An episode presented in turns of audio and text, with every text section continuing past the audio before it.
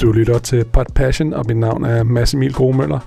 Og i dag, øh, der har jeg faktisk besøg af endnu en Rune, sjovt nok, efter afsnittet med Rune RK.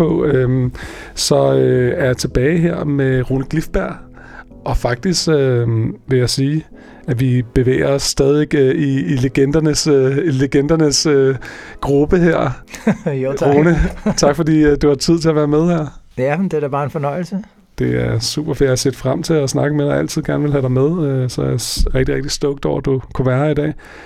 Rune, jeg føler bare sådan lidt ligesom faktisk også, som det var med, med nu nævner jeg Rune Kølsch der igen, DJ'en, øhm, fordi der har været noget sideløbende også. Nu har jeg siddet og researchet i forhold til datoer og år og sådan noget, og han startede med DJ 93, og du blev pro skater i 1992 og sådan noget, så der er nogle sådan similarities i, i nogle tidslinjer der, som er ret sjove. Ja. Og grunden til, at jeg nævner det, det er fordi, jeg sådan... Altså, jeg synes bare altid, at jeg har kendt til dit navn. det er ret sjovt. Det sad jeg og tænkte på, især i går aftes, hvor jeg var sådan, shit mand. Altså, da jeg var ung og, og sådan tænkte, åh, oh, fuck, skateboarding er det vildeste, og jeg skal eddermame med bare fyre den af at være skater. Allerede dengang, der var du sådan et navn, man sådan vidste, hvem var. Altså, det er jo, det er jo helt vildt, og altså, og det, at du stadig er aktiv i dag, det synes jeg bare er for vildt. Øhm, så det er i virkeligheden bare sådan lidt en, et skud ud til dig selv. ja, jo, tak. Men alt det kommer øh, vi tilbage til. Jeg er helt from herovre i hjernet nu. hvad hedder det? Men ja, jo, jeg, jeg er jo en af de heldige, som øh, hvad hedder det, har fået lov til at, at ligesom være i, i det her skateboard game i, ja, igennem mange år. Mm. Så øh, ja, det er jeg rigtig stolt og, øh, og glad for selvfølgelig. Det kan jeg godt forstå. Du startede med at skate i, i 86, ikke? Eller i sådan midt 80'erne? Jo, jo ja. 86. Øh, gennem en kammerat nede fra skolen. Så ja. Øh, ja, og det var bare sådan noget med ned og bakker og ja, slå hul på knæene og du ved, sådan, ikke rigtig nogen tricks i starten. Det er så, for vildt. det er for vildt. Det er de der helt brede øh, boards. Øh. Ja, det var sådan lidt, han havde, øh, ham min ven, øh, han havde fået øh, med hjem fra USA, men øh, jeg var nede i BR og købte sådan, sådan, et, ja, sådan en lille bananboard, så mit, det var faktisk sådan ret lille til at starte med, mm. men øh, ja, så gik der en måned eller noget, og så, så fik jeg købt noget brugt ja. af en anden ven. Så. Fedt, mand. Det der med sådan, det her, det hedder jo Pod Passion, mit program her, og, og altså, du er om nogen en mand, der har levet af sin passion, virkelig med et stort uh, udråbstegn, ikke? Altså sådan, det der med at tage, hvis du husker tilbage på den der ungdom, hvor altså, hvor det i virkeligheden bare var leg. Altså, er det ikke sindssygt at kigge tilbage på, at man har haft en karriere, der har været bygget på det i så mange år? Jo, altså, og, så, og som du siger, så, så var det jo, man kan sige, passionen, der kom først. Mm. Øh, og, og, og det var jo ikke intentioner om, øh, dengang, da jeg rejste i 90'erne, der var der ikke nogen intentioner om, ligesom, jeg skulle ud og tjene penge og øh, blive berømt og øh, sidde her og lave podcast med dig mm. øh, 20 år senere, eller, eller whatever. Mm. Du ved, det var, det var drevet af bare at ville skete. Ja. Og der var nogle muligheder, som ligesom øh, fulgte med øh, for mig, fordi jeg lige var blevet sponsoreret lige efter jeg gik ud af skolen og sådan nogle ting. Mm. Øh, så der var de her muligheder, men, men der var ikke nogen sådan der var ikke nogen intentioner eller nogen lovninger på, at du kan tjene penge mm. og alle de her forskellige ting. Så, så det var helt sikkert øh, passionen og, øh, og lysten til ligesom for det første at skate, men selvfølgelig også tage ud og opdage verden, som, som altid har været øh, en af mine sådan meget store passioner, ja. øh, og som også har holdt mig ligesom øh, inspireret og, og, og ligesom så jeg kunne bevare passionen omkring at stå på skateboard, ja. så har alle de her rejser været med til at gøre skateboarding interessant, også fordi at man får lov til at prøve det nogle nye steder og ja. møde nye mennesker og alle de her forskellige ting, som man, som man kan finde ude i, ude i verden. Ja, ja, ja. Hvad hedder det? Jamen, det er jo, jeg, jeg er totalt enig, og det er jo det, som, som, som den form for kultur, som skateboarding jo er, kan. Ikke? Altså det der med, at, at du jeg ved sådan selv, da jeg legede med skateboarding, det der med, at der skulle ikke særlig meget til, at du ligesom følte, at du var en del af en gruppe, og netop kunne rejse til en eller anden by, og, og møde nogle andre, som var like-minded, og, og så, så var man bare instant venner, fordi at man delte den der skateboarding-kærlighed, øh, ikke? Jo. Det ja, må du have oplevet i alle lande i hele verden, altså. Ja, og det, det var det skateboarding i hvert fald kunne dengang, da det var meget mere underground, end det er i dag. Ja. Og, og selvfølgelig i dag er der, ser man skater på gaden, øh, selv herhjemme, øh, altså mm. dagligt. Øh, og det gjorde man jo ikke øh, tilbage i 80'erne eller op gennem 90'erne osv. Så, så, så du har ret, det der med at, at komme hen et nyt sted og se nogen, der skatede, så altså, så var der en sofa at sove på, eller ja. hvad, hvad det nu var, man, man, ja. man havde brug for, du ved, ikke øh, på det tidspunkt en bajer eller noget andet, eller ja. du ved ikke, så, så på den måde, så, øh, jamen, så, så, så var det en meget mindre sådan community, og, og sådan lidt, lidt mere, øh, hvad skal man sige, øh, ja, sådan ven, venskabsbaseret, hvor i dag der er det jo et meget bredt ligesom, spektrum af mennesker, som der, der, ja. der interesserer sig for skateboarding. Ja, helt klart. Det kommer vi også tilbage til. Jeg har nogle spørgsmål i, i forbindelse med det, jeg gerne vil tabe din mind på. Ja. Men øh, bare lige for at liste, altså der, der er sikkert der er nogen derude, og der som også lytter med her, som sådan, selvfølgelig kender til mange af dine øh, store øh, achievements, men altså X Games øh, vinder to gange guld, øh, 2008, 2009, øh, både i Park og i Vert, øh, to gange udråbt til verdens bedste skater, som jo er sindssygt, altså officielt med selvfølgelig ranglister og alting. Øh, ud af alle de der oplevelser, hvad, sådan, hvad er det vildeste? Øh, jamen altså, jeg plejer altid at svare, at det vildeste, jeg synes, jeg har opnået igennem min karriere, det har det er sådan set at sidde her i dag og stadigvæk mm. være en del af det. Det, mm. det, det synes jeg sådan set er, er den flotteste præstation. Ja. Øhm, at jeg har på en måde formået at, at holde mig relevant i, i, i, i core skateboarding, men også mm. udad til. Øh, hvad hedder det? Um, så det synes jeg, det synes jeg selv er, er en meget stor sådan, bedrift, eller hvad man skal sige. Men, men selvfølgelig, øh, hvad, altså, øh, X Games guld og alle de her andre konkurrencer osv., som, mm. som, øh, som jeg har deltaget i og, og vundet vundet øh, en, en del af også. Hvad hedder det? Det har selvfølgelig været super fedt. Øh, forsiden af de store skateboardmagasiner og ja. alle sådan nogle forskellige ting. Det, det er selvfølgelig store bedrifter, men jeg tror også, hvad skal man sige, der er jo også en masse tricks, som jeg nok ikke skal kede de fleste af lytterne med, ja. som, som, hvad hedder det, som jeg er enormt stolt af. Ja. Øhm, og det er jo også, øh, hvad skal man sige, øh, præstationer eller tricks, som der har måske på det tidspunkt været med til at skubbe grænserne for, mm. hvad er det, vi, vi, vi kan i skateboarding. Øh, og øh, og det, man kan sige, det er jo det, der er spændende også ved skateboarding, det er, det er jo konstant udvikling og mm. et konstant forsøg på at, at, ligesom, øh, at lave noget bedre, kan man sige. Det er måske på den, på den lidt, lidt, lidt større, øh, i det lidt større perspektiv, som skateboarding som helhed. Måske ikke så meget fra mit personlige perspektiv. Mm. Mere i hvert fald. I gamle, eller i gamle dage. Mm. Før i tiden, der var ja. jeg meget mere øh, drevet af det her med, at jeg skulle lave det nyeste, det bedste, og, og sådan alle de her ting, hvor i dag, der er jeg mere drevet af, at jeg faktisk egentlig bare gerne vil lave nogle ting, som ser spændende ud og, og, og kan et eller andet mm. øh, stilet og sådan noget, som jeg er god til, og noget, som der føles godt, når jeg laver det også. Ja, ja. Så, øhm, så det er sådan lidt, lidt, lidt forskellen. Helt klart. Nu rambler jeg allerede. Ja, ja men på, det, det er vildt spændende, hvad hedder det. Jeg, jeg sidder bare og tænker sådan, med alle de sådan, kan du, når du nogle gange, eller gør du det for dig selv og stopper op og siger sådan, kæft man, jeg har alligevel opnået nogle ting, og har du de der forsider hængende i rammer, og sådan, jeg ved, nu følger jeg dig jo på social media, og sådan, og du lægger tit nogle fede retroklip op, og sådan noget, hvor man bare sådan tænker, wow, fuck, det er fedt, ikke? Men kan man overhovedet nå at, og, og, og sådan, at nyde alle de der ting på den rejse, du har været på? Øhm, ja, det synes jeg bestemt. Jeg synes tit, at, øh, at jeg ligesom får lov til at reflektere mm. øh, over de ting, øh, der ligger i, i, i min fortid, øh, og også selvfølgelig øh, reflektere over, hvor er det, man, man vil hen af, baseret på der, hvor man har været, eller, eller måske på helt andre, øh, hvad skal man sige, valg. Men mm. jo, det, det synes jeg, og det er jo, øh, det er jo selvfølgelig, selvfølgelig rart at tænke øh, tilbage på. Man kan sige, nu siger du det der med Instagram og sådan nogle ting, mm. og gamle clips og billeder og så videre. Sådan noget, det synes jeg jo, det synes jeg jo også er sjovt, ligesom, ja. ikke fordi jeg synes, der mangler noget kredit, eller jeg mangler at få noget kredit for nogle af de ting, jeg har lavet tidligere, men jeg synes jo, det er sjovt på en eller anden måde at, at skule den ja, yngre ja, ja. generation på en eller anden måde. At sige, prøv lige at se det her. Det var ja. altså ting, der gik ned ned for 20 år siden, ja. hvor der er måske folk, som oplever de her ting, at de står på skateboard i 5 år, eller 10 år, eller et eller andet, mm. og de er bare sådan, okay, det her det er jo, det er jo for sindssygt. Ja. Og, og sådan, i min mind, igen det her med skateboarding, konstant udvikling osv., der er sådan, jamen det var jo niveauet for 20 år siden. Mm. Altså, hvor ja. burde niveauet ikke være i dag, og hvor er niveauet ikke hos nogle enkelte skater, altså nogle af dem, som jeg synes er, er de absolut bedste i dag, ja. hvor man kan sige, der, der, er, der er et rigtig bredt spektrum af, af, af, af professionelle skater i dag, som, ja. som efter min mening, øh, måske er der en procentdel af dem, som måske ikke er lige så dygtige, som, mm. som mange var. Ikke nødvendigvis mig selv, men mange andre pros var for for 20 år siden eller Ja. sådan noget.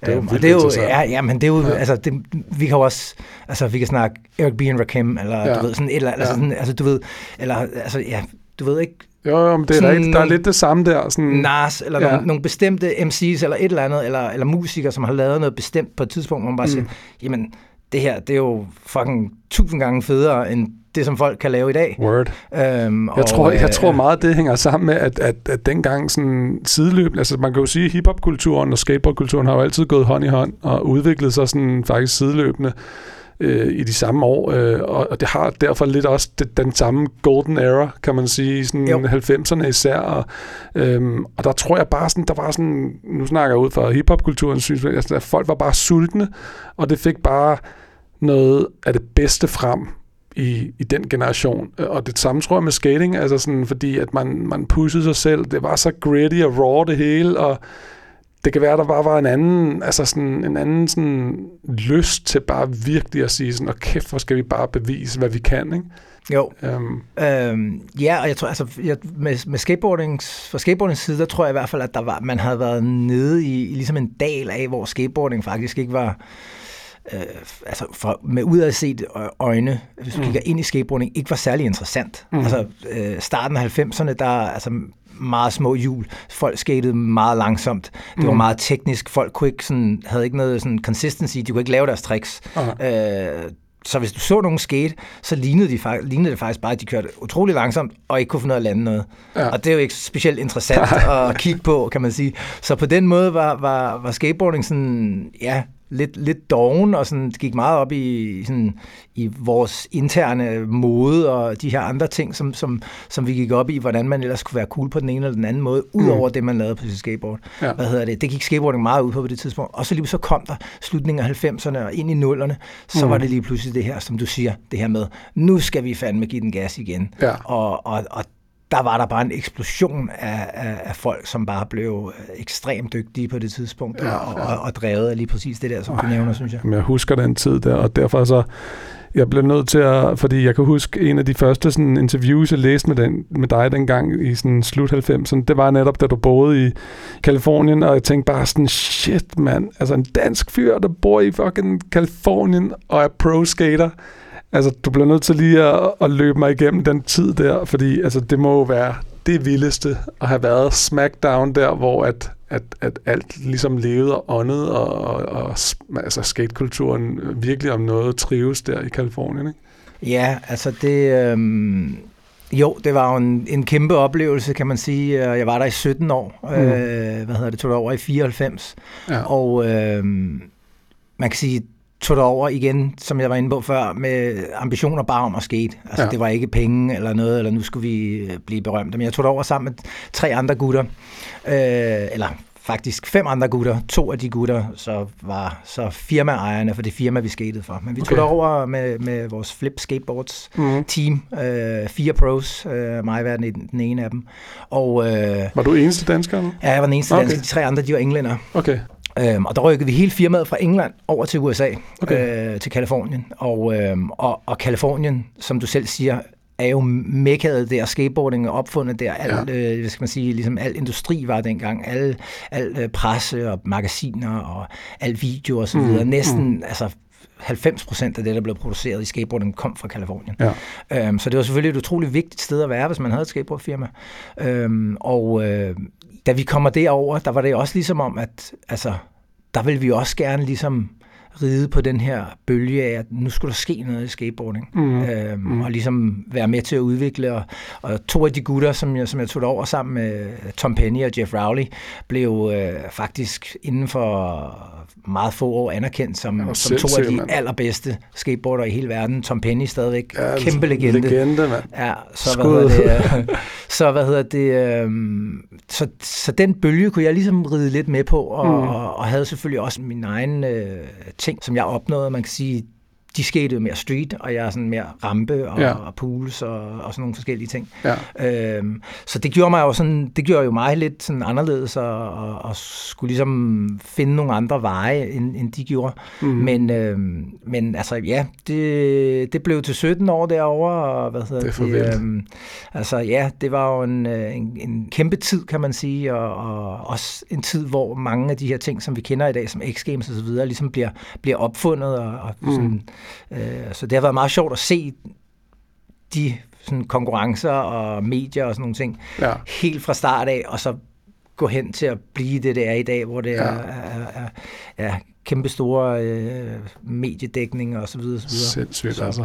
Jeg kan ikke lade være med at tænke på, at, at, at, at når nu siger du selvfølgelig flip, skateboard, som jo var øh, om nogen din, din familie, og, og så senere hen Etnies og Pro Models med Converse, og jeg har altid tænkt på, dengang hvor man læste om sådan, eller kiggede i uh, Trasher og uh, du ved, alle bladene og tænkte sådan, shit mand, de her drenge, de lever af at rejse rundt og skate sådan, men altså, altså hvad tjente man som pro-skater dengang i 90'erne? Uh, det er jo meget forskelligt, altså. Ja. Øh, jeg, jeg, synes, jeg, var, jeg synes, jeg var ret heldig, og det var da sådan, ja, det var da, ja, nu siger jeg, øh, mange, millioner, mange millioner om året. Det var ikke 10 millioner, men jeg, Mm. synes, det var, jeg synes, det var mange penge. Mm-hmm. Øh, og det vil jeg også synes i dag. Ja. Hvad hedder det? Ja. Øhm, men altså, man kan sige, det var jo, det var jo mit niveau, kan man Ja. sige. Ikke? Jo. Øh, og så var der jo folk, som der var langt forbi mit niveau, og også folk, som der ligger under. Så det er sådan svært at generalisere og sige, hvor meget tjener man som Ja, ja, ja, ja. Men øh, det kommer lidt an på, sådan, hvilke sponsorater man har. Men du led af det sådan fra den dag, du tog det over? Øh, til- ja, altså da, da vi tog det over, der, der, øh, der, der startede vi med at få penge, og det var 300 dollars om måneden, vi fik. Okay, Så det var okay. der svarede til 2.000 kroner. Ja, Så ja. ja, dengang, og, altså vi havde så også et sted at bo, men øh, man kan sige, dengang synes jeg, det var det fedeste. Og, Det og det, var, det var mere, end jeg nogensinde havde tjent på at stå på skateboard. Ja. Så på den måde var det jo kæmpe. Mm.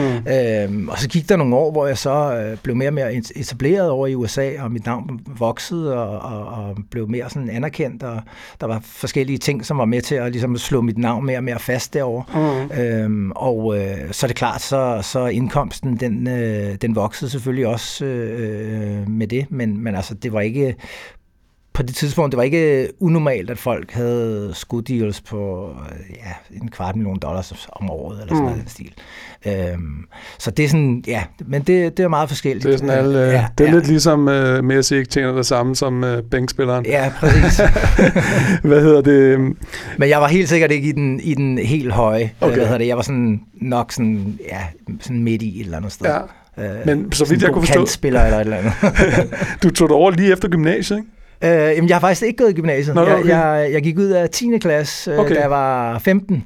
Ja. Og øh, så begyndte jeg så at rejse rundt omkring i Europa, øh, Mhm. hvad hedder det, øh, og, og var blevet sponsoreret af, af, af Flip over fra England af, og Ja. jeg begyndte at rejse en del derover øh, og hjælpe til over øh, på deres øh, sådan, ja, fabrik, eller deres sådan, warehouse over, Okay. i, over i England, hvad hedder det, øh, og sådan hjælp med at screene boards nogle gange, altså trykke dem, Ja. og, og sådan, ja, sådan sad faktisk bare sådan og ventede på det her i det her warehouse hele dagen på, at øh, Jeremy, øh, ham som har vores firma, Mm. hvad hedder det, øh, han var færdig med alle hans telefonopringninger, eller vi havde fået screenet boards, eller hvad vi nu skulle, Ja. og så kunne han køre mig ud og skate eller andet sted. du ved, så det var sådan, for at sidde der og trille tommelfinger sådan helt, og skate, læse skatebladet sådan hele eftermiddagen.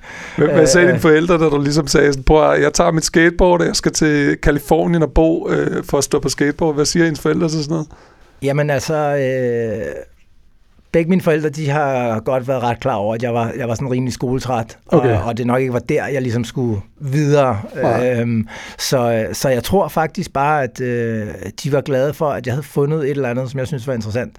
Jeg synes ikke, der blev øh, talt imod det i hvert fald. Nej. Så, så, så det, var, det var en mulighed for mig for at komme ud og opleve nogle ting. Ja. Øhm, og som sagt, meget skoletræt og alle de her ting, så, så der skulle, jeg skulle bare have med noget energi. Ja. Og jeg, jeg, jeg tror ikke, de havde regnet med, at øh, det skulle gå, som det gik, men Nej. øh, det er jo bare fedt, Ja, det kan er man så sige. fedt, det er så fedt. og, øh, og det er de jo glade for i dag, Ja. og, og, og, og selvfølgelig, så, så, så det, øh, til alle jer forældre derude, øh, skal ikke have nej-hatten på, så, hvis jeres unger står og, og vil Enig, eller andet, mand. så, så det, de skal bare have lov.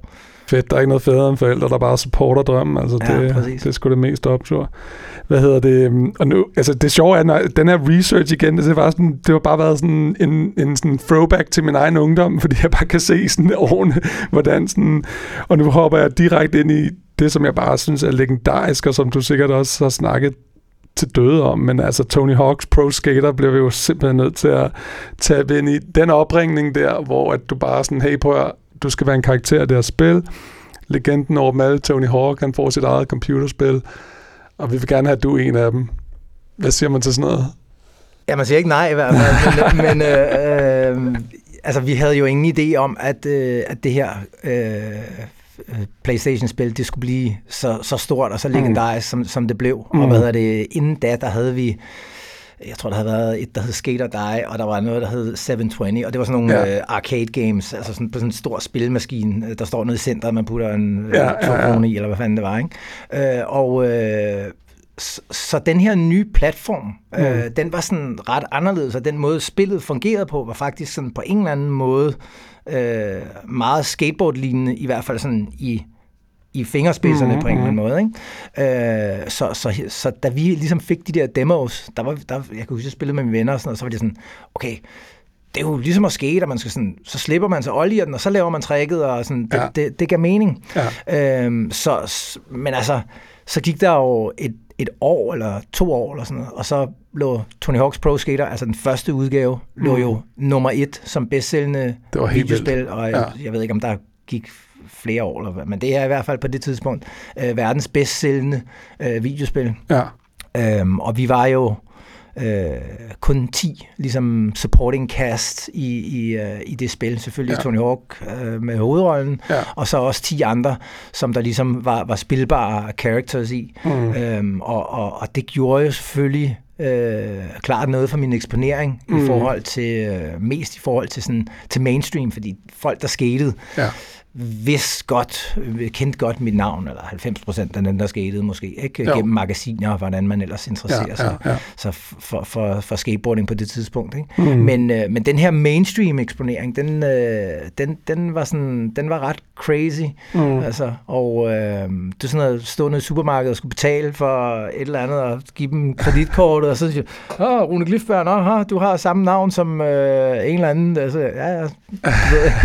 Sådan, jeg ved ikke, om du også har set alle de der memes, der Jo, jo, Tony, Tony, Hawk, ja. Tony Hawk lægger ud for tiden, men jo, altså de der, ikke, hvor de er sådan, Ja. ja.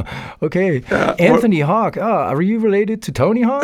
Bare sådan, øh, Anthony, Tony, fordi- uh, du ved ikke? Og de tror heller ikke på, det er ham. Det er ja, ja, så men, men, ja, så, det, så, så, nogle, så nogle ting begyndte at ske, ikke? Jo, Øh, jo. Og, og øh, Men ja, så, altså, ja, at blive udødeliggjort i et legendarisk videospil er jo bare... Ja, men det er jo for sindssygt. vildt. Og det der spil er jo også, som du siger, altså på alle måder bare sådan så genial hele vejen igennem, også bare fordi, at den revolutionerede gameplay i måden, du netop kunne styre på. Jeg kunne huske det der med, når man først havde lært det, og når du så virkelig havde nørdet det, så kunne du lave øh, verdens længste grind i sådan 5-6 minutter, hvis du Ja. bare kunne blive bedre og bedre og bedre. Ikke? Ja, ja. Og kæft, det var et sjovt. Jeg ædermame brugt mange timer på det. Og så selvfølgelig også senere Tony Hawk's Underground, hvor du også med i. Uh, Ja, ja.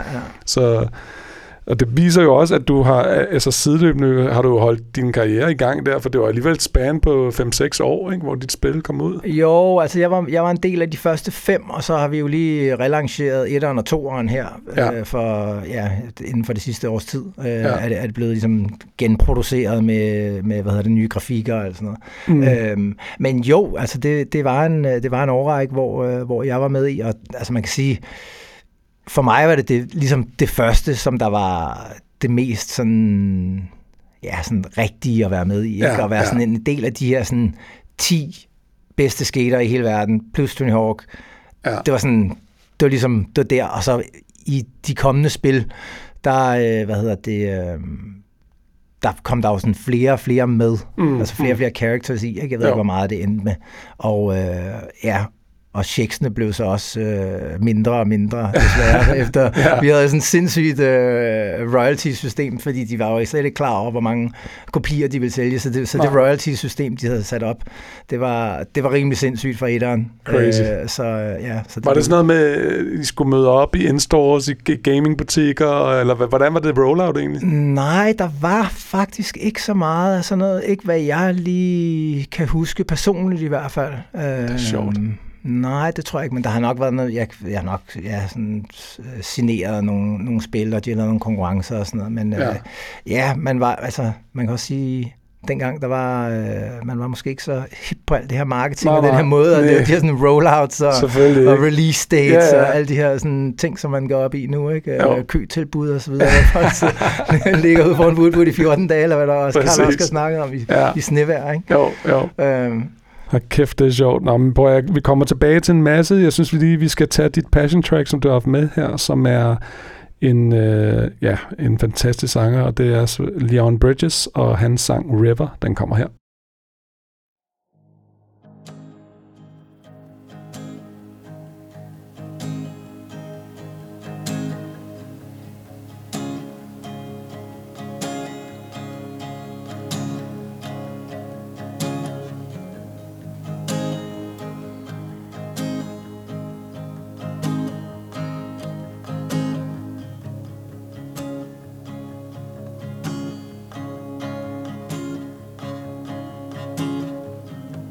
Been traveling these wide roads for so long. My heart's been far from you, 10,000 miles gone. Oh, I wanna come near and give you every part of me, but there's blood on my hands, and my lips are unclean. In my darkness, I remember Mama's words reoccur to me. Surrender to the good Lord, and to wipe your slate clean. Take me to your river. I wanna go.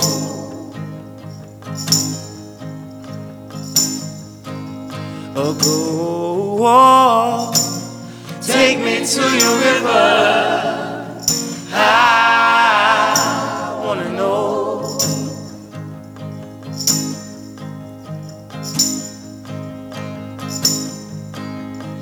Dip me in your smooth waters. I go in as a man with many crimes.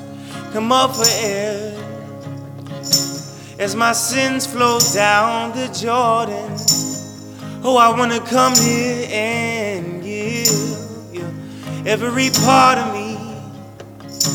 But there's blood on my hands, and my lips are unclean. Take me to your river. I wanna go.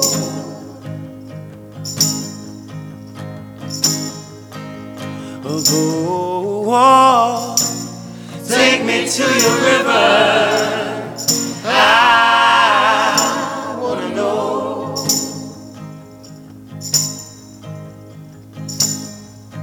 Wanna go, wanna go, wanna go. I wanna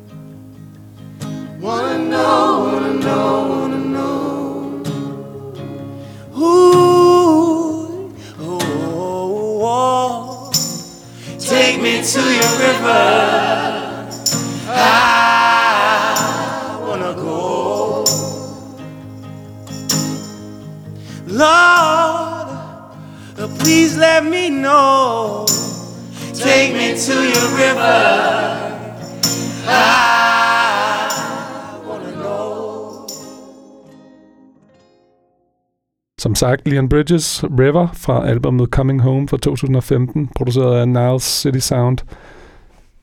Hvorfor den sang, Rune? Øh, ja, men øh, selvom sangen ikke er så gammel, så er der mm. noget, noget nostalgi i den, synes jeg. Og, Ja. og der er sådan et eller andet... Det, det er sådan en sang, øh, som jeg godt kan finde på sådan at, at spille på sådan lørdag formiddag, hvor jeg bare sidder derhjemme, og så bare sådan har helt chilleren på, og så mm. måske endda godt bare sådan, kan sidde og få lidt tårer i øjnene, og bare sådan tænke tilbage øh, sådan på, ja, på livet, og Ja. sådan, øh, sådan alle de sådan fantastiske ting, som jeg synes, at øh, jeg har fået gennem livet. Ja. Øh, og øh, på den måde er det sådan, ja, om det, altså, om det er familie, eller de her skateboardoplevelser, jeg har fået, Mm. jeg har fået eller, eller øh, sådan set verden, eller du ved, ja, hvad fanden, Mm, hvad mm. fanden det nu er. Men, men alle de her super vilde oplevelser, øh, de kan godt sådan fange mig, og der er sådan en, sådan en sang som den der, den... Øh, Jamen, den gør bare et eller andet specielt. Altså, jeg kan godt sådan i... Øh, altså, jeg kan godt lide mange forskellige typer musik, mm. men, men jeg kan især godt lide øh, øh, musik, som er sådan lidt... Øh, måske lidt, lidt dramatisk, eller sådan øh, cinematic, eller hvad man skal Mhm. sige, du ved, hvor man Ja. sådan, man, når man hører musikken, så er det ligesom om, så får hjernen lov til at sætte nogle billeder på os. Ja. Øh, og det synes jeg, den der, den der sang, den kan. Øh, og øh, ja, så er det bare, ja, ja der, der er noget nostalgi i den, Helt synes klart. jeg. Øh, selvom det ikke er en sang, som har fulgt mig så længe. Ja. Øh, fordi den er jo sådan relativt ny, eller Ja. hvad man skal sige. Og så, øh, og så går det op for mig, når, da jeg skal sende den til dig i går, ja. at øh, jeg går ind og finder den, så er det åbenbart hans mest spillede sang. Så jeg er åbenbart Ja, ikke ja. den eneste, der, der, der godt kan lide sangen. Og det gør den jo, øh, så, ah, så bliver jeg sådan lidt, Og man er jo også... øv, man vil gerne have et eller andet, der er sådan lidt af sit eget. Ja, ja, ja, man er jo for øh, vild. Altså, og ja, ja, bestemt. Sådan en artist, hvor at du netop ikke kan høre, om det er 30 år gammel, eller om det er 6 år gammel. Ikke? Altså, Ja. det er, ja, jamen fedt, fedt, fedt, fedt. Men skater du egentlig til musik?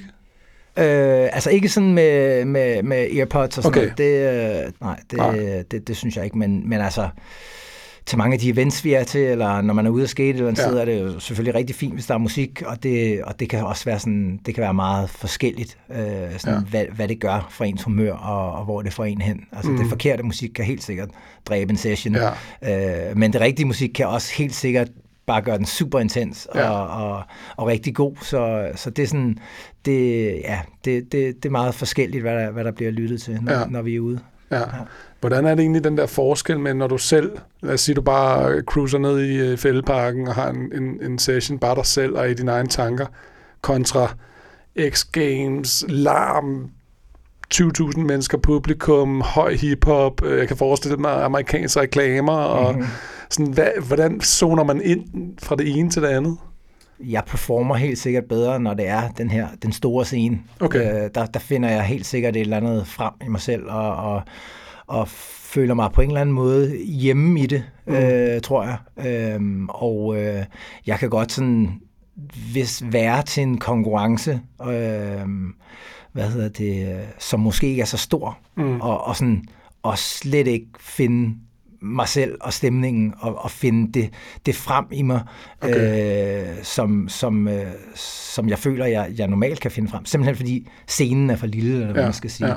Ja. Øhm, og det er jo selvfølgelig nok i, i kraft af, at jeg har oplevet de sådan helt store events, Ja, og, ja. og, og ved, ved ligesom, hvordan det er. Og, jamen, der, der, er sådan, der er sådan mange ting, som der ligesom øh, øh, følger med. Ikke sådan bare sådan ude på selve rampen eller banen, Mm. men, men også sådan det, der foregår sådan øh, backstage, eller hvad man skal kalde det, Ja. sådan alt medical staff og sådan. Og den måde, som, som tingene fungerer på, ja. er bare sådan, der er bare et eller andet i mig, tror jeg, der bliver, der bliver vækket, når jeg ved, at okay, nu er vi oppe i absolut toppen, oppe i, oppe i eliten. Og Ja. det er noget, noget, som jeg har svært ved at finde sådan, på, på de sådan mindre scener, eller, Ja. eller hvad man skal sige.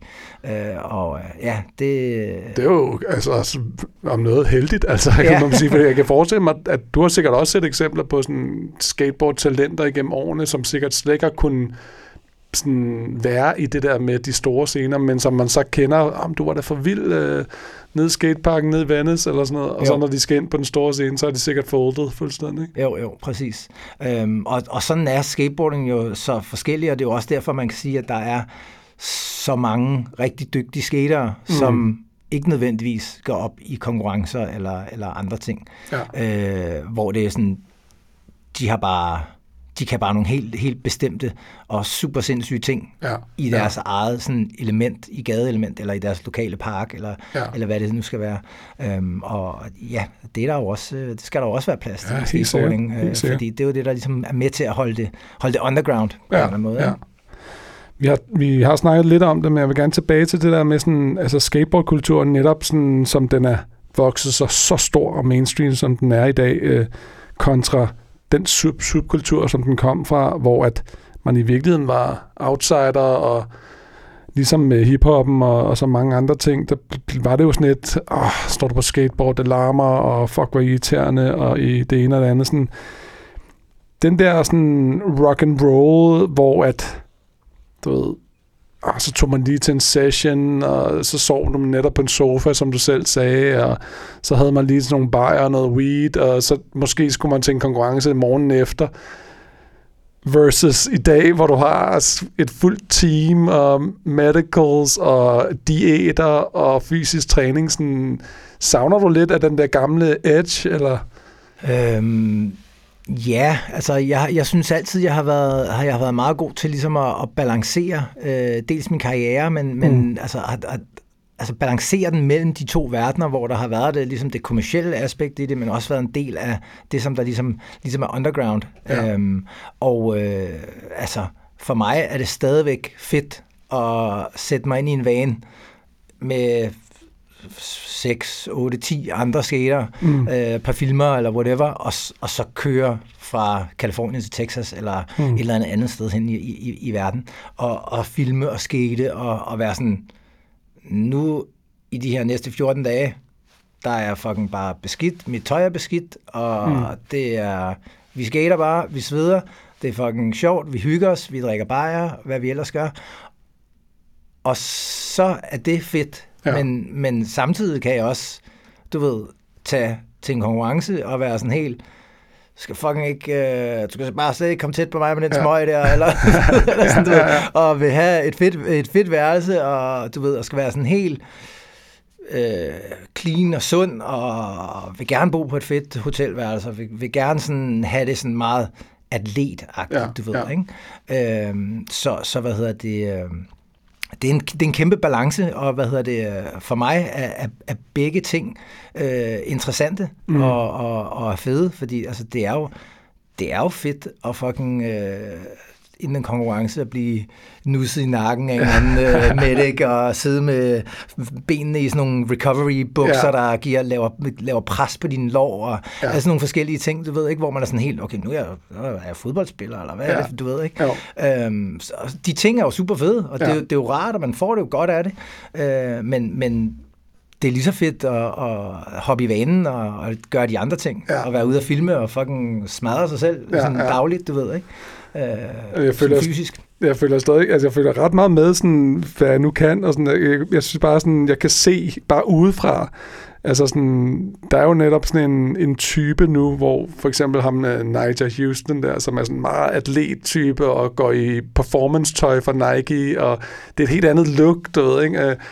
Men når jeg kigger på ham, så tænker jeg bare, okay, for det første, ja, jeg er fucking dygtig, og det, det ligner, at, at, at det er unreal, for det, det ser så nemt ud, ikke? Men samtidig hans look, og sådan, jeg føler lidt, at den der swag er, er væk, fordi jeg voksede op med sådan noget, igen tilbage til snakken om øh, repræsentation og sådan noget. Jeg kunne godt lide sådan noget Kareem Campbell og Clyde Sillington og sådan nogle, der bare... Men det var lige så meget også bare deres ja, swagger attitude og sådan noget, Ja. hvor det var den der rå... Altså sådan, man købte sig ind i hele deres univers, ikke? Hvor nu, der kan jeg godt, også hvis jeg tuner ind på X-Games, og når man ser nogle af de asiatiske, det ser meget sådan perfect ud, ikke? Jo, jo.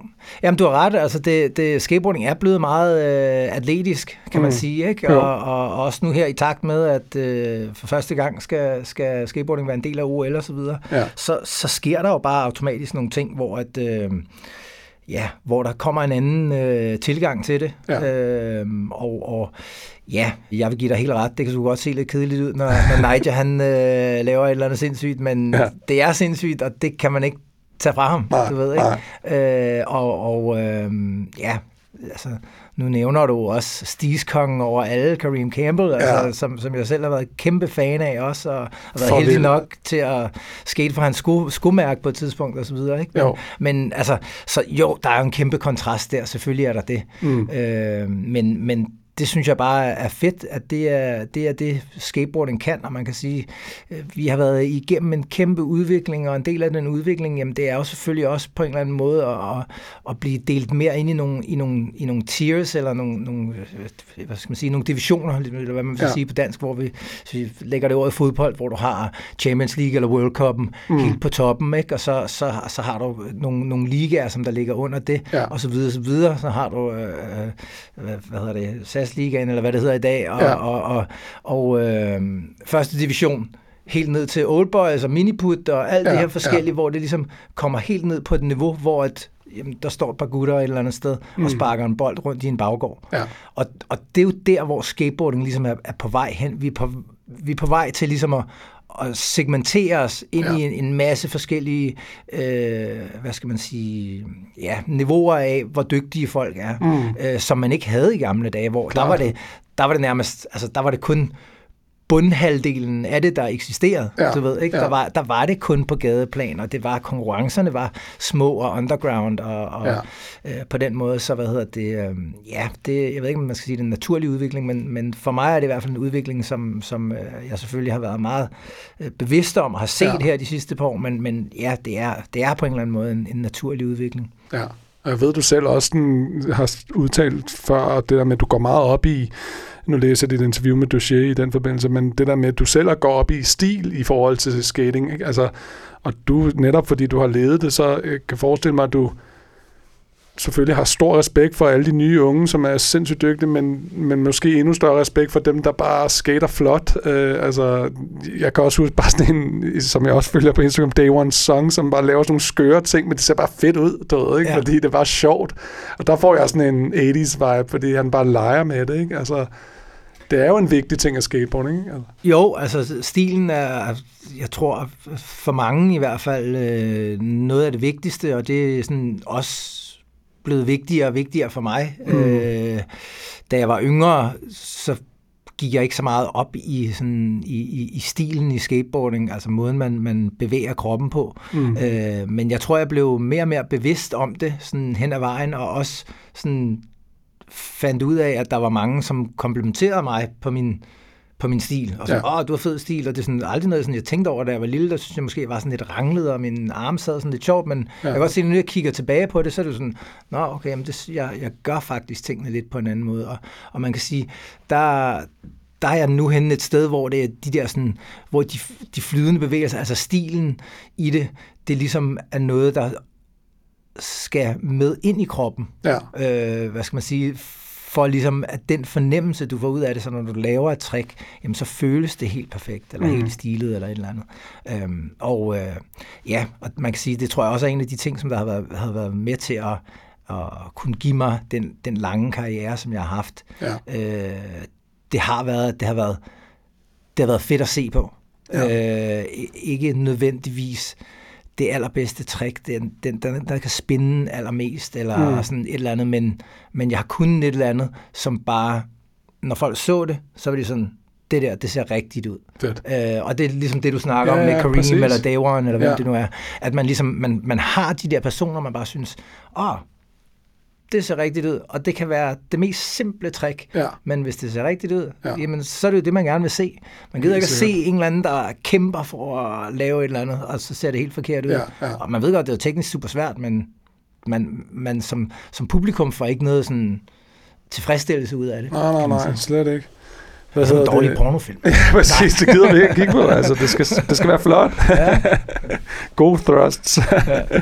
Hvad hedder det? Nu nævnte du selv OL, som jo er sindssygt, at, at skateboarding skal til OL. Lad os håbe. øh, Er det egentlig officielt, at der er OL i år? Øh, ja, altså er det, det ja, ja, med mindre, altså, ja, med mindre der sker et eller andet helt sindssygt. Men japanerne har sagt, at det, det kan være en zombie-eclipse eller et eller andet, der Ja. er OL uanset hvad. Okay, ja, Ja, men... Øh, Så, øh, Jamen, men jeg så- tror ikke, der er noget udenlands publikum. Okay. Så det er vist kun et japansk publikum. Nå, okay.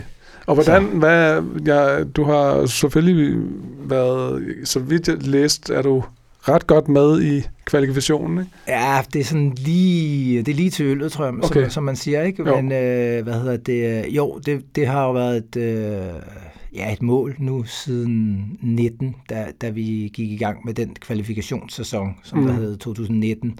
Ja.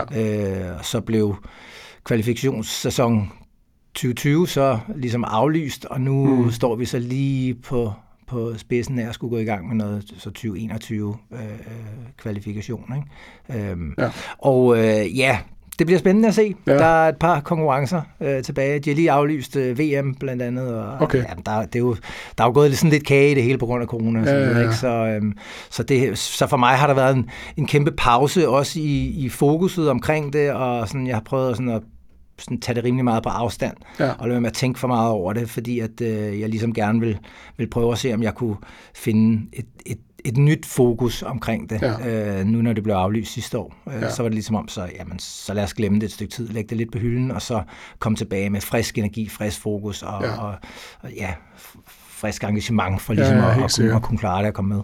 Jamen, jeg håber, jeg håber fandme for dig, at det kunne med med, altså, det ville jo være kæmpe.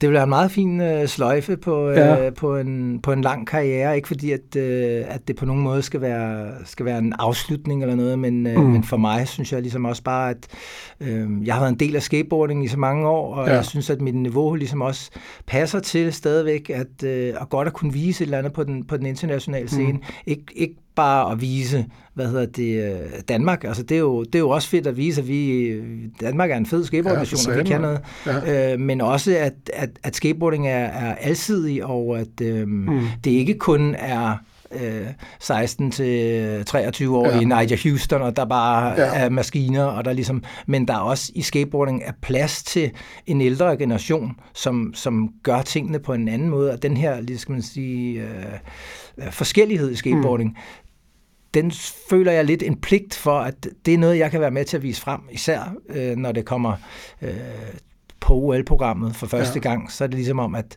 det var der mange, der var imod. Mm. Øh, måske også mig selv i, i, i lang tid, men nu er vi her, mm. så kan vi lige så godt forsøge at vise skateboarding frem på, på den fedeste måde, og det er ved at vise noget, noget alsidighed. Man Ja. ja. kan sige, øh, den ældre generation har altid inspireret mig øh, meget, og, og det er jeg sikker på, at øh, den også gør i dag for de, for de yngre. Ja, det, så, jeg, tror jeg, det så det er bare en vigtig del af Ja. skateboarding, ligesom at få vist frem, synes jeg. Det er jo ligesom en af, altså sådan, vi snakkede om det sidste her, altså det der med, igen, altså øh, ligheden til, til musik, ikke? altså sådan, hiphop-kulturen er, er stadigvæk så ung, skateboard-kulturen er så ung, altså sådan, legenderne lever stadigvæk, altså selvfølgelig Ja. er der faldet nogle få, men, men altså, du har stadig øh, folk, som er aktive helt op i nærmest til 50 år, ikke? Altså, og det er jo vildt for, for de unge, der starter i dag, at kunne se, okay, netop, at man kan kigge på din rejse og være sådan, om det er ikke så lang tid siden, og han er stadig aktiv i dag. Ja. Øhm, I forhold til det, sådan din, din, det fysiske, altså når jeg, hvis jeg skulle gå ud på Værndomsvej lige nu og tage et skateboard, så vil jeg bare med det samme tænke, hvis jeg falder over en sten, så brækker jeg alt, hvad jeg har i kroppen. altså det der, jeg har så meget respekt for, at du bare kan blive ved, altså sådan, og hvordan finder man, øh, ja undskyld, jeg siger, nosserne til at gøre det, altså? Jamen, altså, der er jo selvfølgelig en masse reflekser og ting, som ligger naturligt i min krop i forhold til at falde. Det er jo, Ja. ja. altså, det er jo en stor del af at stå på skateboard, er jo at falde. Ja. Det, det bliver man nødt til at lære i starten, hvordan, hvordan man kommer afsted med det. Så, så på den måde er der jo en masse ting, som, som ligger i mig. Men øh, man kan sige, jeg har brug for nu at ja, ligesom sådan værne lidt om min krop og være Ja. fysisk aktiv på andre måder, end, Ja. end, hvad hedder det, øh, end at stå på mit skateboard. Altså det vil sige, gå ned i gymmet og ja, sørge Mm. for, at min krop er stærk nok til at øh, tage de tæsk, som, som den tager Ja. øh, på, på nogle tidspunkter. Ikke? Men øh, ja, hvordan, hvordan finder man nosserne? Altså der er jo masser af ting, som også nu, som jeg ikke har, som jeg ikke er så glad for at lave mm. mere, som jeg som yngre bare var var klar på. Ja. Og, og jeg tror også, når man er yngre, så er man også lidt mere ligeglad med, om man falder og slår sig. Ja. Hvor jeg tænker lidt mere nu, er jeg måske lidt mere øh, strategisk, og tænker sådan, "Jamen, jeg har ikke lyst til at slå mig, fordi hvis jeg slår mig, så er det nogle uger, hvor jeg kan skate, eller whatever. Ja, ja. Og øh, det gavner ikke noget, så, så der, er en eller anden, øh, der er en eller anden måde, hvor, hvor jeg også må holde lidt igen, mm. og så igen finde det på det, finde, øh, det på det rigtige tidspunkt. Ja. Altså det er et spørgsmål Ja. om, hvornår er det vigtigt for mig, at jeg giver den fuld gas og, Ja. og sætter kroppen på spil, eller hvad man skal sige. Ved, Ja.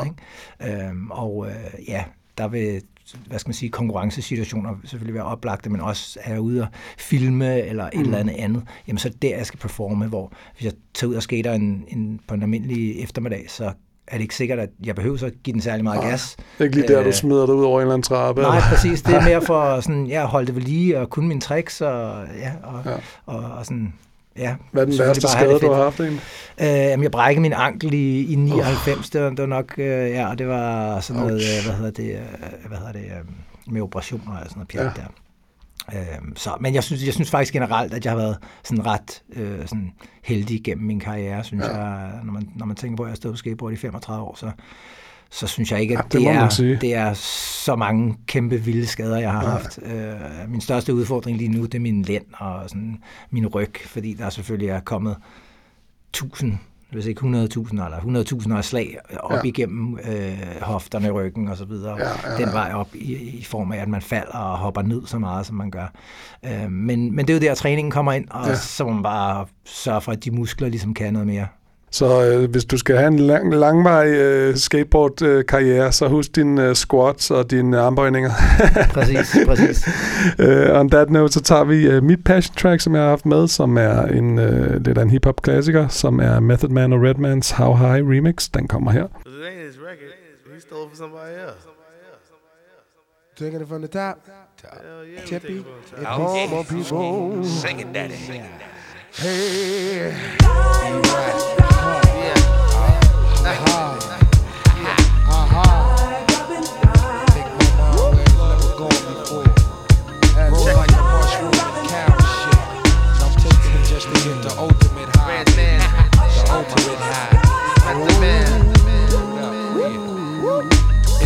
me as I kiss the sky. Sing a song of sixpence, the pocket full of rhyme. Who the fuck wanna die for their culture? Stalk the dead body like a vulture. The Calgon, mm, blacker than your blackest stallion. Hit your housing. Projects, I represent your Shaolin, my nigga. How yes, apocalypse now, the gunpowder be going down. Diggy, diggy down, diggy down. While the planets and the stars and the moons collapse. When I raise my trigger finger, all y'all niggas hit the deck. Cause ain't no need for that. Hustlers and hardcore. Roar to the floor, roar like reservoir dogs. The green eyed bandit can't stand it. With more fruity and loops than that, you can't stand it. Plus, the Bambazi got me wild. Messing with them. It's a straight suicide. Look up suicide. in the sky, it's a bird, it's a It's plane. the funk doctor spot smoking on the train. How high? So high that I can kiss the sky. Look up in the sky, it's a bird, it's a plane. Recognize Johnny Blaze, ain't a damn thing changed. How So high that I high? can kiss the sky. 10, 9, 8, 7, 6, 5, 4, 3, 2, murder, one lyric at your door. Take out, bring it to that ass roar. Breaking all the rules like glass jaws. Nigga, you got to get mine to get yours. Fucker, we don't need no rap tour. I'd rather kick the facts and catch you with the rap chore. More than you bargained for. The cows, I stays open like an all night store. For real, I keep shit ill like a piece of blue steel. Pointed at your temper with the intent to kill. And in your existence, MET ain't no use for resistance. HOD. I shift like a clutch with the ruck. Examine my nuts, I don't stop till I get enough. Six million ways to die, so I chose. Made it six million and one with your eyes closed. And blindfold, cold, so you can feel the rap. And shatter the glass in second half of your funky ass. And yo, my man, hit me now. Bitches used to play me, now they can't forget me now. They get me now, I rock the spot check clock. Empty offer, licking off in hip hop. Fuck the billboard, I'm a bullet on my block. How you dope when you pay for your billboard spot? Look up in the sky, it's a bird, it's a plane. It's the funk doctor spot smoking on the train. How high? So high that I can kiss the sky. skies. I run them out with a racist. My style was born in the busy staircases. Dig it, F a rap critic. He talk about it while I live it. If Fred got the blunt, I'm the second one to hit Look it. up in the, I got the verb nouns and glocks in ya. Into the center, lyrics bang like Ricker. Shay Rabbit, I bring habit with an AK Matic.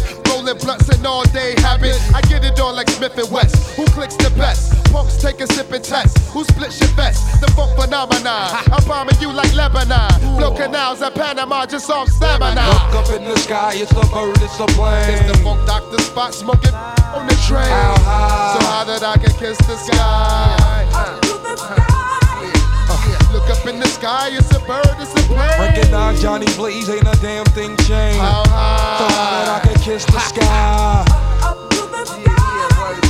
Look up in the sky, it's a bird, it's a plane. It's the funk doctor spot smoking on the train. How high? So high that I can kiss the sky.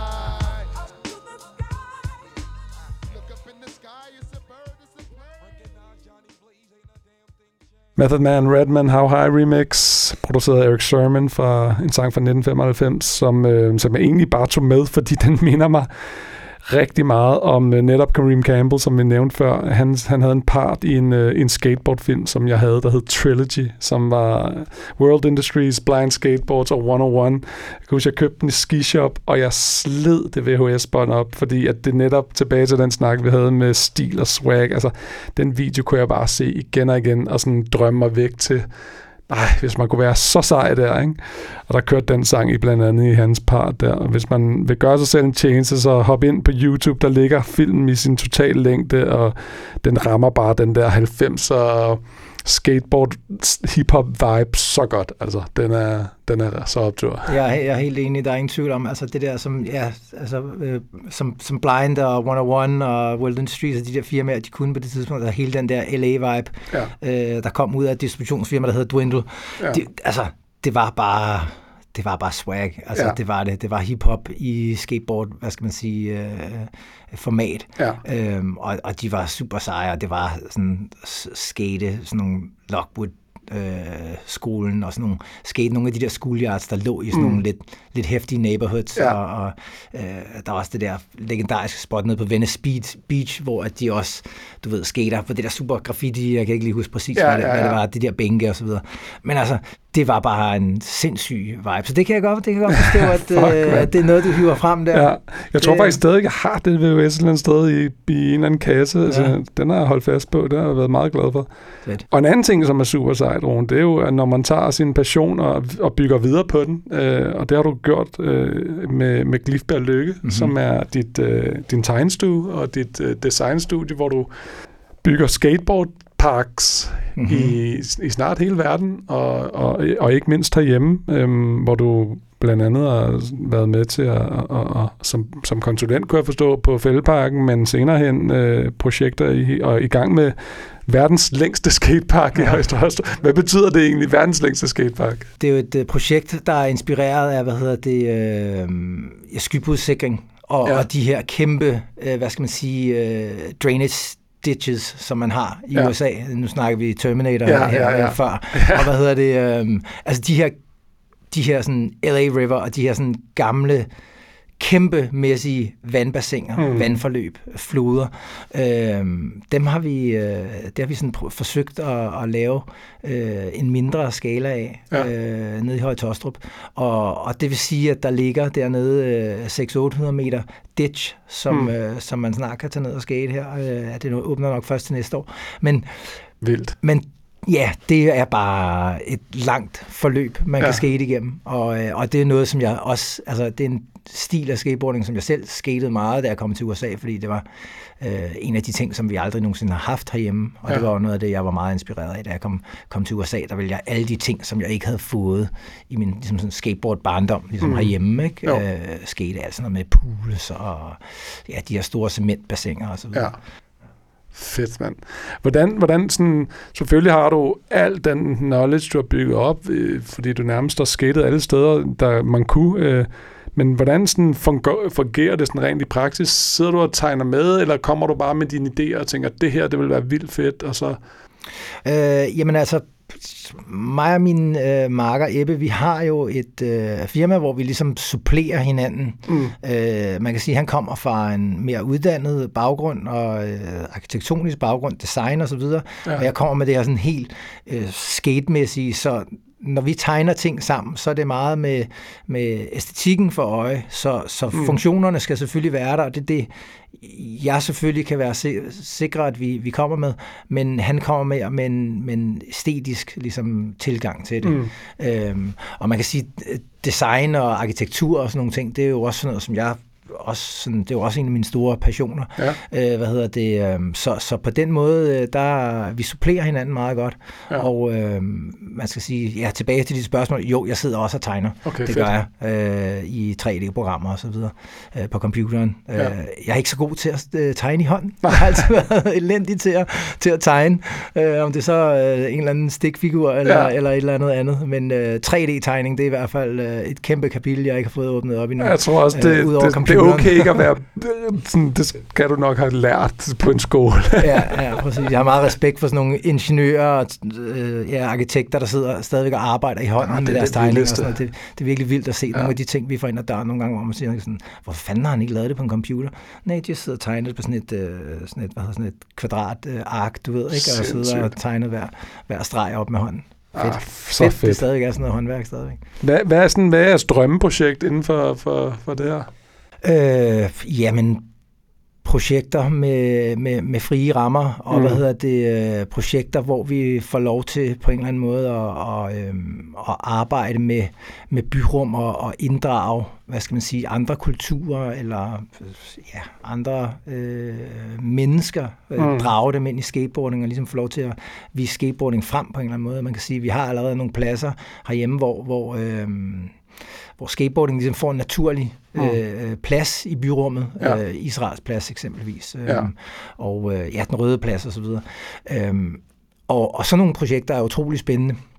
Mm. Øh, men øh, generelt så vil vi gerne skabe ting, som ser specielt ud og ser, ser anderledes ud, end man er vant til. Øh, ja. Og ligesom vise, vise frem, at, at skateboard sådan obstacles kan godt være smukke, og man godt ligesom kan være en flot og integreret øh, del af et byrum, som, som så bliver et, et rigtig lækkert, sådan aktivt byrum. Ja. Og øh, ja, det, jamen, vi, altså, vi har rigtig mange idéer og tanker og ting, som vi gerne vil, ikke? Jo, øh, men, jo. men øh, desværre så, øh, så er det tit økonomien, man løber, man løber øh, ind i, hvor at, ja. man ligesom, der kommer nogle begrænsninger. Ja. Øhm, og øh, det er, jo, det er jo det, man tager med, men øh, man kan sige, lige nu der sidder vi og arbejder på noget, hvor vi prøver at øh, inddrage noget, noget, noget surfkultur, og ligesom mm. øh, finde balancen mellem, øh, hvordan kan vi øh, ved nogle af vores danske surflokationer, øh, hvad hedder det, øh, supplere det miljø med noget skate, mm. øh, og, og på den måde ligesom skabe nogle synergier mellem de ja. to verdener.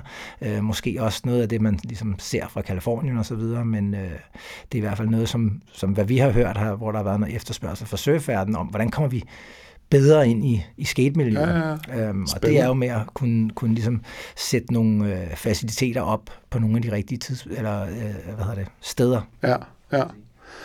Jeg snakker vi om det, sådan, det, det, det perfekte punktum med, med OL, vil jo sådan rent øh, aktivt karrieremæssigt, men I skal ikke til Cali og lave skateparks, det vil da være en kæmpe sløjfe. Det vil være, det vil være rigtig fint at, ja. at gøre. Der, der er nogle spillere derovre, som der har siddet på, øh, jeg siger, på magten. Ja, okay. på magten i rigtig mange år. Hvad hedder det? Øh, og og øh, det, det er et svært marked at bryde ind i, så der er selvfølgelig nogle, nogle rigtig dygtige øh, amerikanske spillere, som, som, mm. øh, som har lavet nogle ting. Men øh, det er jo ikke, fordi vi ikke vil. Mm. Og øh, det, det er bare et spørgsmål om, at den, den rigtige mulighed øh, præsenterer sig, så skal vi nok øh, få lavet et eller andet. Men, men som sagt, så, så har vi det, altså, vi har det fint med ligesom at, at være her, men, men igen at prøve at koncentrere os om nogle ting, som man ikke har set før. Ja. Øhm, og det, det har vi formået at gøre med, med, med en del af vores projekter efterhånden. Øhm. Fedt. Fedt. Jamen, det er så meget inspirerende og super fedt, øh, at øh, alt det, I laver netop for ungdommen, fordi at jeg kan sagtens huske, at man havde jo ikke nogen steder, man kunne gå hen, og medmindre det var fældebakken, så kan du stille dig ud på vejen, og så gik der 10 minutter, og så råbte folk ud af vinduet, og man skulle skride. Ikke? Så, ja, ja. det var fedt for de unge, at de har sådan fantastiske steder, de kan tage hen. Altså. Øh, og, og speaking of unge, sådan, hvis jeg var ja, 10, 8, 9, 10 år og gerne vil skate, og sådan, hvad, hvad er dit ypperste råd til, til alle de øh, kids, der går med skateboarddrømme?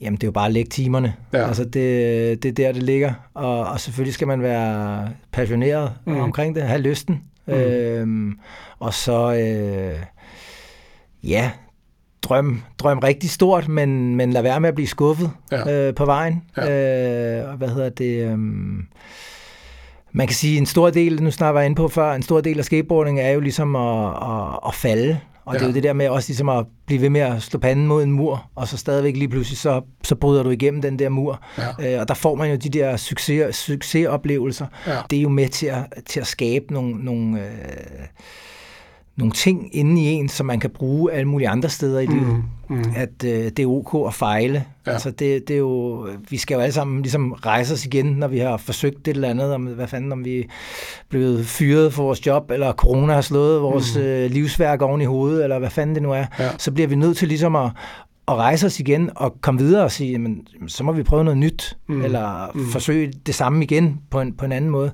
Og, og, og man kan sige, mange af de lektioner, man får gennem skateboarding, uanset om man går helt til tops, Ja. eller om man slet ikke kommer i nærheden af at være tops, eller at være sponsoreret, eller noget som helst, så alle de øh, ting, man lærer gennem skateboarding, altså ved den fysiske aktivitet ved at skate, og Mm. de fællesskaber også, alle de ting, man lærer der, Ja. de er meget mere værdifulde end at komme til tops. Ja, ja. Øh, hvis, hvis det var det, der var dit Ja, spørgsmål ja, om, nej, hvordan kommer man til bestemt. tops, og, Ja, og bestemt. hvad er det, man vil. Altså, men øh, passionen, timerne, Ja, ja, timerne, det, er det, timerne det er det er vigtigste. det. Og så, øh, så, så når man bliver øh, lidt ældre, ligesom mig, øh, jamen, så må man lægge lidt mindre timer og, og, og være lidt mere, hvad skal man sige, øh, strategisk omkring de Mm. timer, man lægger. er der nogen, er der, er der talent med, er der nogen, hvor du tænker, ham der, eller de der, eller hende der? Har, herhjemme, ja, Ja. ja, bestemt. Ja. bestemt. Jeg synes, der er nogle, øh, der er nogle rigtig dygtige skater herhjemme Fedt. øh, efterhånden, og øh, jamen, det, det er bare et spørgsmål om tid, og, og Ja. altså, vi har fine faciliteter, øh, Mm. mm. og øh, man kan sige, jeg var måske en af dem, som der brød normerne lidt herhjemme i forhold til gerne at ville alle de her sådan lidt mere, øh, hvad skal man sige, sportslige ting, sket konkurrencer og alle de her ting. Ja. Øh, det har altid sådan været øh, lidt, jeg vil ikke sige fy, men der har været lidt for meget måske, lad os bare kalde det jantelov Ja, ja, over det, sådan ja. ja. dansk skateboarding også, at det er sådan, ah, det, ah det, du, skal ikke, øh, du skal ikke prøve for meget, du skal Nej. ikke gå for meget op i at vil klare dig godt til den her konkurrence, eller sådan et eller andet. Ja. Øh, så det, har, det der, det har altid sådan ligget i dansk skateboarding på en eller anden måde, som, har, som gør dansk skateboarding super unik og super fed, Mm-hmm. men, øh, men hvis man vil noget i skateboarding, Mm. sådan på international plan, så kræver det også lidt, at man, man Mm. lægger det der sådan lidt, lidt bag sig, og, og så, så, må man, så må man tage de hug, man får fra, fra drengene, eller Ja, sine ja, ja. homies, eller, eller pigerne, der siger, "Øh, hvad laver du, eller Ja. whatever, du ved ikke, øh, hvis, hvis man virkelig ved det, og hvis man virkelig ved det, så er man jo også ligeglad med, hvad, folk, hvad andre folk siger, Ja. og hvordan, altså der, de kan jo have deres tilgang til det, og det, det, Fuldstændig. det skal jo ikke nogen indflydelse på, hvad vi andre render rundt og laver, så hvis man vil noget, så må man jo bare gå for den. Ja. Jeg plejer at kalde det at have den der amerikanske attitude i virkeligheden. Bare at sige sådan, prøv at man, jeg er the fucking shit. Altså, og det, det, det er lidt farligt at sige herhjemme, altså her i Danmark, men, men det er det, der skal til, ikke? Altså, fordi man, man, hvis, hvis, man sgu ikke, hvis man ikke selv tror på det, så er det, så er det ligegyldigt, ikke? Ja, præcis, præcis.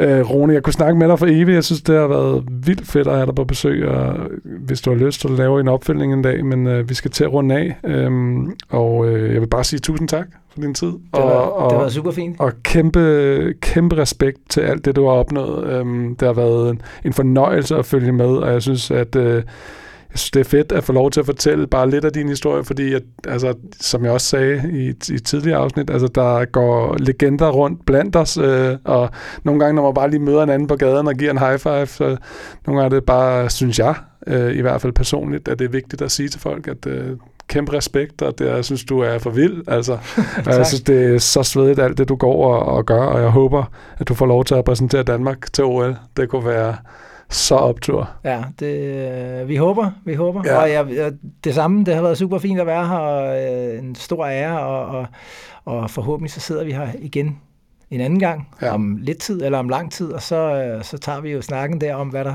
er sket i mellemtiden, og, Ja. og hvor vi så bevæger os hen. Man kan sige, livet, den her rejse, vi er på, det er jo, mm.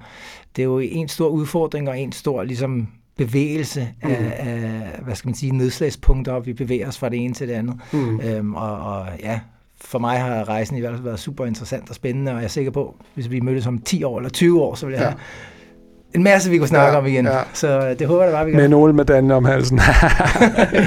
Fedt. Vi lyttes ved. Uh, Pod Passion vender tilbage som altid. Um, tak for i dag.